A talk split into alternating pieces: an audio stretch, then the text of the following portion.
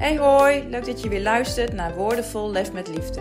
Het gesproken woord waarin ik jullie graag meeneem in mijn gevoelens, gedachten, verbazing en bewondering voor alles wat er om me heen gebeurt.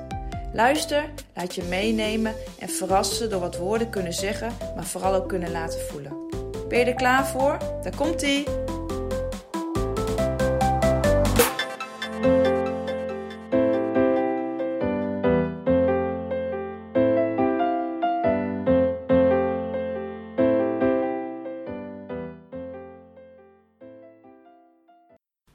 In deze editie gaat het over controle hebben of controle willen houden.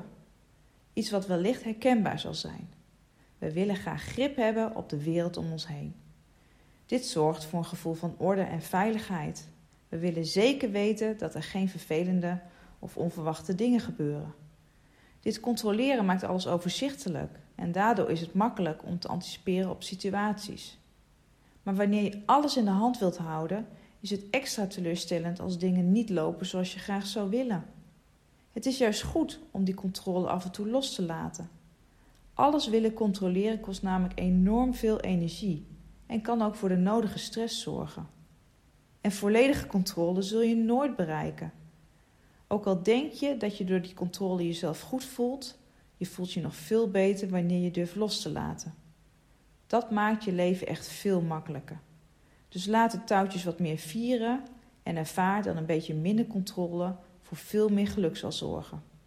Deze editie heet In Control. Eerlijk, maar waar. Niet alles is maakbaar. Moeilijk, maar waar. Niet alles is beheersbaar. Niet alles, maar een klein beetje is ook al prima, niet waar?